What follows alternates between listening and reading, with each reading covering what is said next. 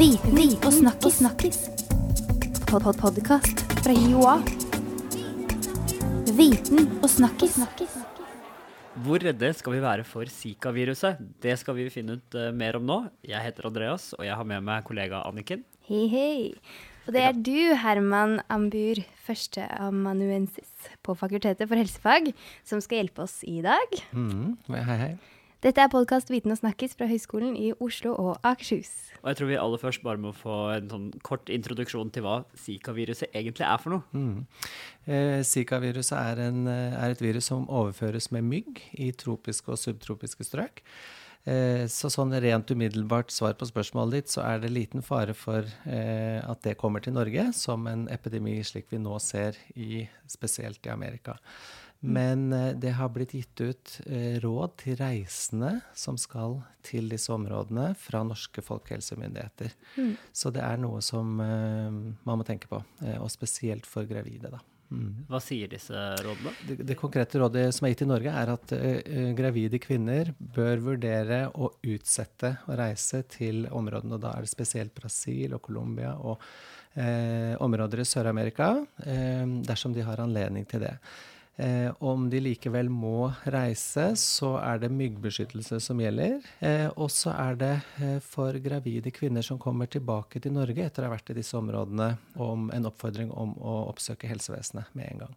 Ja. Fordi det er, eh, som vi har sett i mediene alle sammen i de siste ukene, eh, forferdelige bilder av fosterskader eh, som man Ja. ser i sammenheng med eh, Zika-virusinfeksjon hos mor, eller gravid mor. Da. Ja. Og vi vet i grunn veldig lite om eh, viruset og sykdommen eh, spesielt knyttet til disse fosterskadene, så vi er eh, eh, eller det foregår intens forskningsaktivitet over hele verden nå for å forsøke å finne ut sammenhengen. Ja, for det er vel egentlig ikke ordentlig bevist, er det det? At det er en sammenheng? Nei. Nei. Så det man har sett, altså nærmere én million mennesker eh, har nå blitt, eh, fått infeksjon i Sør-Amerika og Mellom-Amerika. Eh, og vi ser en dramatisk økning i mikrokefali, som det heter. Altså det at fosteret blir født med forminsket eh, hjerne og kranie. Så det er et sammenfall mellom utbruddet av epidemien og eh, at eh, antallet barn blir født med denne fosterskaden, som gjør at man mistenker at det er en nær sammenheng. Eh, Eller at det er en direkte sammenheng. Men det er ennå ikke helt bevist. Og Verdens helseorganisasjon har bedt om eh, litt tid. Jeg tror de sa 14 dager for noen dager siden. Eh, At de regnet med at da ville de ha på en måte mer konkrete og håndfaste bevis på den sammenhengen mellom virusinfeksjon og fosterutvikling. da. Så det er ikke helt, eh, helt eh, fastlagt. Eh, van, ja. Hva, hva slags, nå skal vi ikke skremme folk, da, men Nei. hva slags symptomer er det for en som er smittet av Zika, hvis du ser bort fra Ja, den uh, det er veldig milde, veldig milde symptomer uh, som regel, og uh, som regel ingen symptomer i det hele tatt. Så eh, en vanlig reisende som ikke er gravid, vil sannsynligvis ikke få noen eh, symptomer. Men får man feber, altså Zika-feber, så er det nettopp feber, øyekatarr, eh, ømme ledd og på en måte typiske sånne febersymptomer, egentlig, som man ikke har noe behandling for, annet enn at man eh, tar en Paracet eller sånne Ja. ting. Og som sagt, de fleste får ingen symptomer i det hele tatt. Eh, ja. Men hvordan kan man da vite at man har dette Zika-viruset? Er det noen test man kan ta, eller? Ja, det er eh, blodprøvetester. Vi har ennå ikke det i Norge. Jeg vet at Folkehelseinstituttet forsøker å lage en test eh, i Norge, men mm. foreløpig så må vi sende prøvene til Sverige, Ja.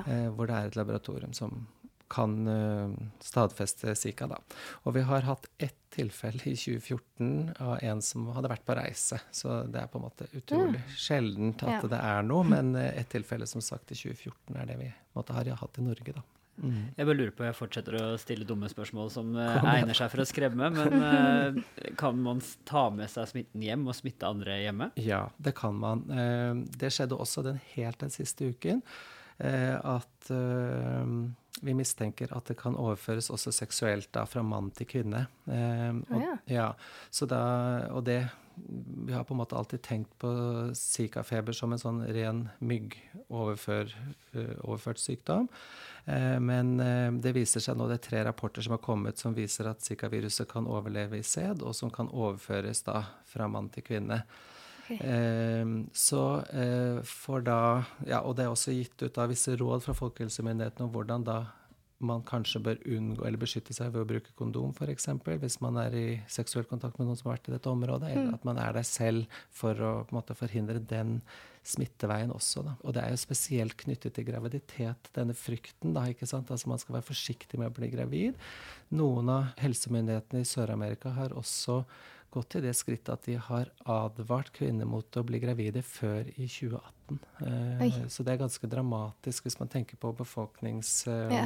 eh, og demografi og utvikling sånn sett.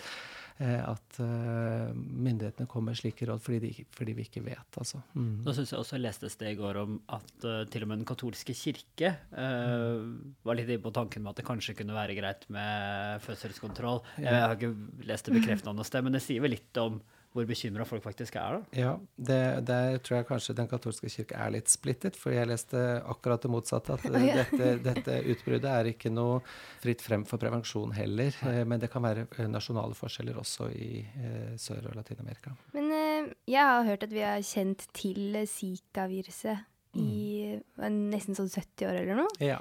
Ja. Men hvorfor har det blitt så stor, eller så stor mediedekning av dette nå? Ja, du kan si viruset eh, ble første gang isolert og oppdaget i Afrika, i aper, og så eh, på, i 47, 1947, rett etter andre verdenskrig. Og så eh, kom de første tilfellene i mennesker som på 50- og 60-tallet. Der opererer litteraturen med litt forskjellige årstall, 1954 og 1968, så jeg er ikke helt sikker, men i hvert fall det kom på 50- og 60-tallet tilfeller i mennesker. Eh, og det er både i Afrika og i Asia så har dette vært Man har kjent til det, men i og med at symptomene er nokså milde, de ligner på andre eh, Ja. virussykdommer, som har kanskje ikke lett spesielt etter Zika, men det kan ha vært denguefeber eller andre. Så det som har skjedd eh, nå i de siste årene, er at dette viruset har spredd seg fra Afrika og Asia over eh, Mikronesia, Oceania og over Stillehavet til Amerika. Så det er det som er nytt. Og du kan si i Amerika, eh, eller da på det amerikanske kontinent, så har de ingen immunitet mot dette. Så i Ja, for det var litt det jeg lurte på. Ja. Sånn, Hvorfor har det ikke vært noe eh, stor greie i Afrika?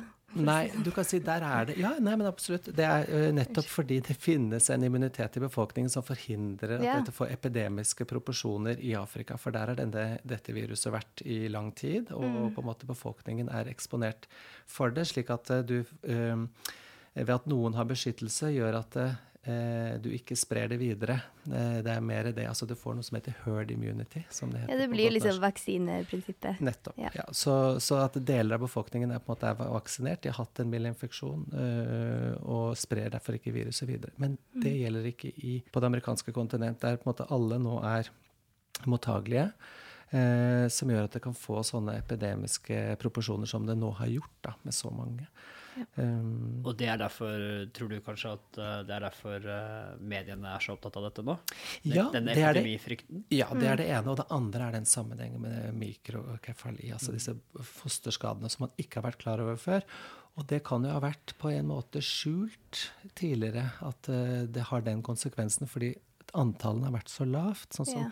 i Thailand f.eks., som er et populært turistmål for norske, norske reisende, eh, så er det i gjennomsnitt fem Zika-tilfeller i året. Så det er ekstremt liten sjanse for å bli syk i Thailand, eh, hvor det da er en sånn immunitet. Så du kan tenke deg med så lite tall, så er det vanskelig å se sammenhengen med mikrokefali, da, hvis det er en årsak. Men når du får en million smittede, og plutselig ser, sånn som i Brasil, nå er det 4000, eller de mistenker 4000 tilfeller av eh, denne fosterskaden, hvorav 400 av de på en måte er bekreftet at er den eh, diagnosen, skal jeg til å si. da. Så det er et enormt tall.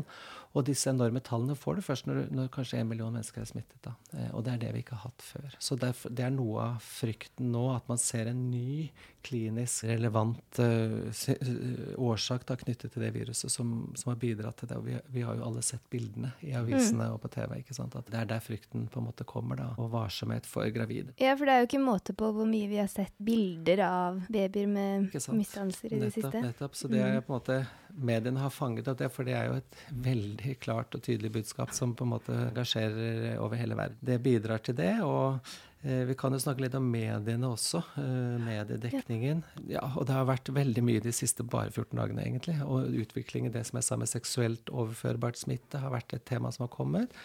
Og så er det mm, dette med at det kan være kanskje andre grunner til denne mikrokefalien. Da har noen eh, Ja, for jeg hørte det var noen røde hunder også kunne føre til det samme. Ja, altså Ja. det er ikke noe Den fosterskaden er ikke noe sånn veldig uvanlig, og den er ikke nei. alltid knyttet til, eh, til Zika-virus. Altså det finnes andre dokumenterte eh, infeksjoner som kan føre til mikrokefali. Ja. Eh, nå er jeg ikke lege, så jeg skal ikke si så veldig mye mer om det, men det, det er på en måte en helt eh, en ikke ukjent eh, fenomen sånn sett, og det kan være knyttet til infeksjoner under graviditeten. Ja. Ja. Så, så, men det at det er Zika-virus også kan forårsake det, er på en måte det som er nytt. da. Det er jo en annen ting som gjør at det kanskje får en del oppmerksomhet, dette her, og det er jo at OL i Rio nærmer seg Ja. Mm. senere i år. Eh, det er jo oppsiktsvekkende hvis dette, denne frykten for zikaviruset skulle påvirke det arrangementet, Mm. selv om det jo kanskje ikke er det største problemet akkurat nå. Ja, men det er helt klart det når mediene pga. det. Og eh, flere amerikanske idrettsutøvere vurderer jo ikke dra, som på en måte de skal bli gravide eller er redde for det. ja. ikke sant? Altså De er i den alderen. Og, og flere, Jeg leste også om en uh, nordmann som spiller golf, uh, hvor flere av golfturneringene var blitt avlyst. Det var ikke i Brasil, men i et av de andre landene i Sør-Amerika. Så det skjer jo ting som på en måte begrenser reiseaktiviteten dit også. og det leder meg litt inn på det med myggbeskyttelse, egentlig. Ja, vi vi fordi- tar imot tips, vi. ja, Ja. fordi, fordi uh, det går jo an å beskytte seg. Og uh, jeg vil egentlig anmode alle som skal reise til Sør- og Latin-Amerika, å gå inn på Folkehelseinstituttets sider og lese nøye de reiserådene som står der. Det som er litt spesielt med Zika, er at det overføres av en mygg som også er aktiv om dagen.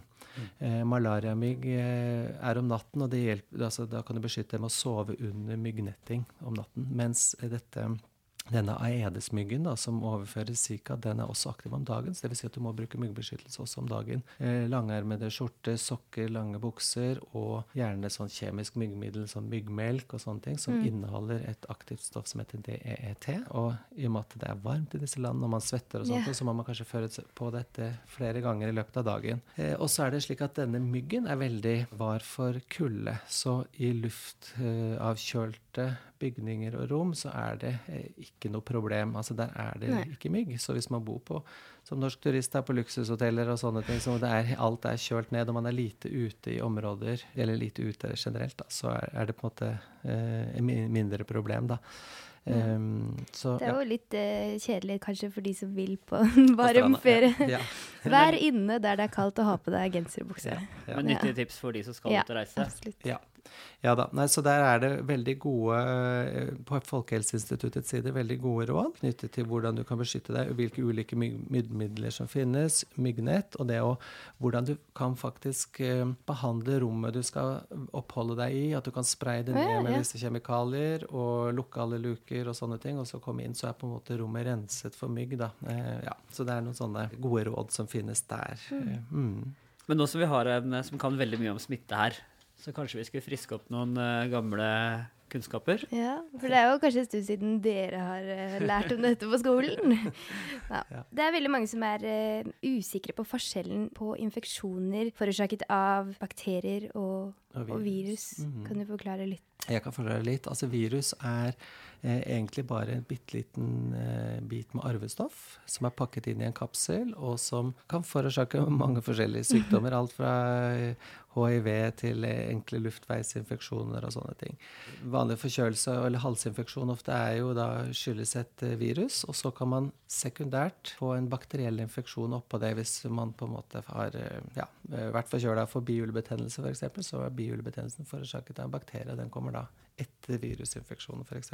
En bakterie er en levende organisme, en encellet levende organisme som har fullt aktivt eh, livssyklus og kan forårsake også alle verdens mulige sykdommer, egentlig. Men, eh, men det er forskjellig størrelse på de. Virus er bitte små.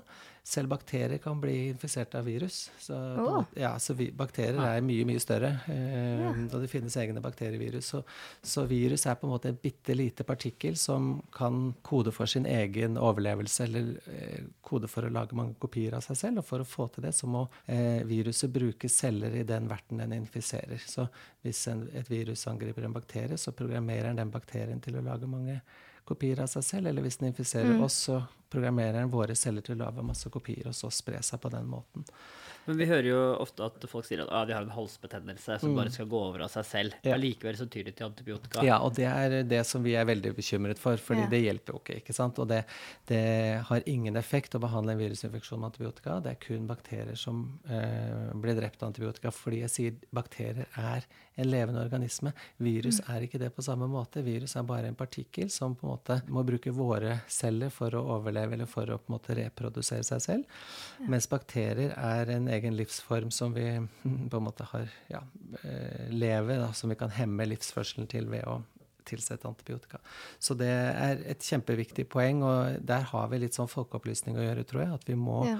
eh, hjelpe eh, folk å forstå faren ved å bruke antibiotika når man ikke trenger det. Fordi vi ser en fremvekst av antibiotikaresistens, og det er på en måte en av de største fryktene som vi og Verdens helseorganisasjon og alle har. At vi ikke skal kunne klare å bruke antibiotika der vi virkelig trenger det. Og det vil si på sykehusene, ved, ved operasjoner og sånne ting. At vi må ha full kontroll med bakteriene og mikrobene, og da kan vi ikke ha resistens inn der. Da slutter det å virke. Er det sånn at man jobber på spreng for å finne alternativer nå? Ja, I tilfelle dette skjer? Det, kan du, eh, det er et veldig godt spørsmål. Og det som de forskjellige farmasøytiske selskapene har regnet på, da, er at eh, muligheten for, for inntjening for å utvikle nye antibiotika er så liten at det er få som ja. gjør det. Ja. Så det er Nå presser det seg jo frem. altså Behovet kommer med økende grad av resistens. Så, så, så ser vi en utvikling med at det presser seg frem nye droger. Men, men eh, det er, eh, har vært eh, nesten ikke nye eh, klasser antibiotika har ikke kommet på markedet de seneste 30 årene. Altså det er veldig, Det er veldig liten utvikling. Ja. Fryktelig skummelt. er Hvordan, med utviklingen som er nå, hvordan ser du for deg at det vil bli i fremtiden? Ja, man ser på alternative måter til antibiotikabehandling. Altså Ja. er det andre hemmende stoffer eller andre strategier vi kan bruke for likevel å kontrollere at ikke man får en infeksjon. Da. Men nå er vi langt unna Zika, men det er en, veldig interessant eh, Ja. debatt da, om hva man eh, gjør med resistens. Det høres ut, i hvert fall for min egen del, så var jeg litt, eh, litt mindre redd for Zika og litt mer bekymra for antibiotika, men det får vi ta en annen gang. Ja, kanskje vi må invitere deg tilbake Ja, for å få kommer flere råd om, om hvordan vi skal takle høst- og vårforkjølelsene. Mm. Ja. Takk for at du hørte på denne episoden, og takk til Herman for at han kom og snakket og ga oss tips og råd. På blogg hioa.no slash viten og snakkis kan du lese mer om podkasten vår. Og eh, du kan komme med tilbakemeldinger, og du kan høre på tidligere episoder. Og så kan du også abonnere i appen din, noe som vi setter veldig stor pris på. Ha det godt, og hold deg frisk, og prøv å ikke bruke så mye antibiotika. Viten og snakkis. Pod-pod-podkast fra Joa. Viten og snakkis.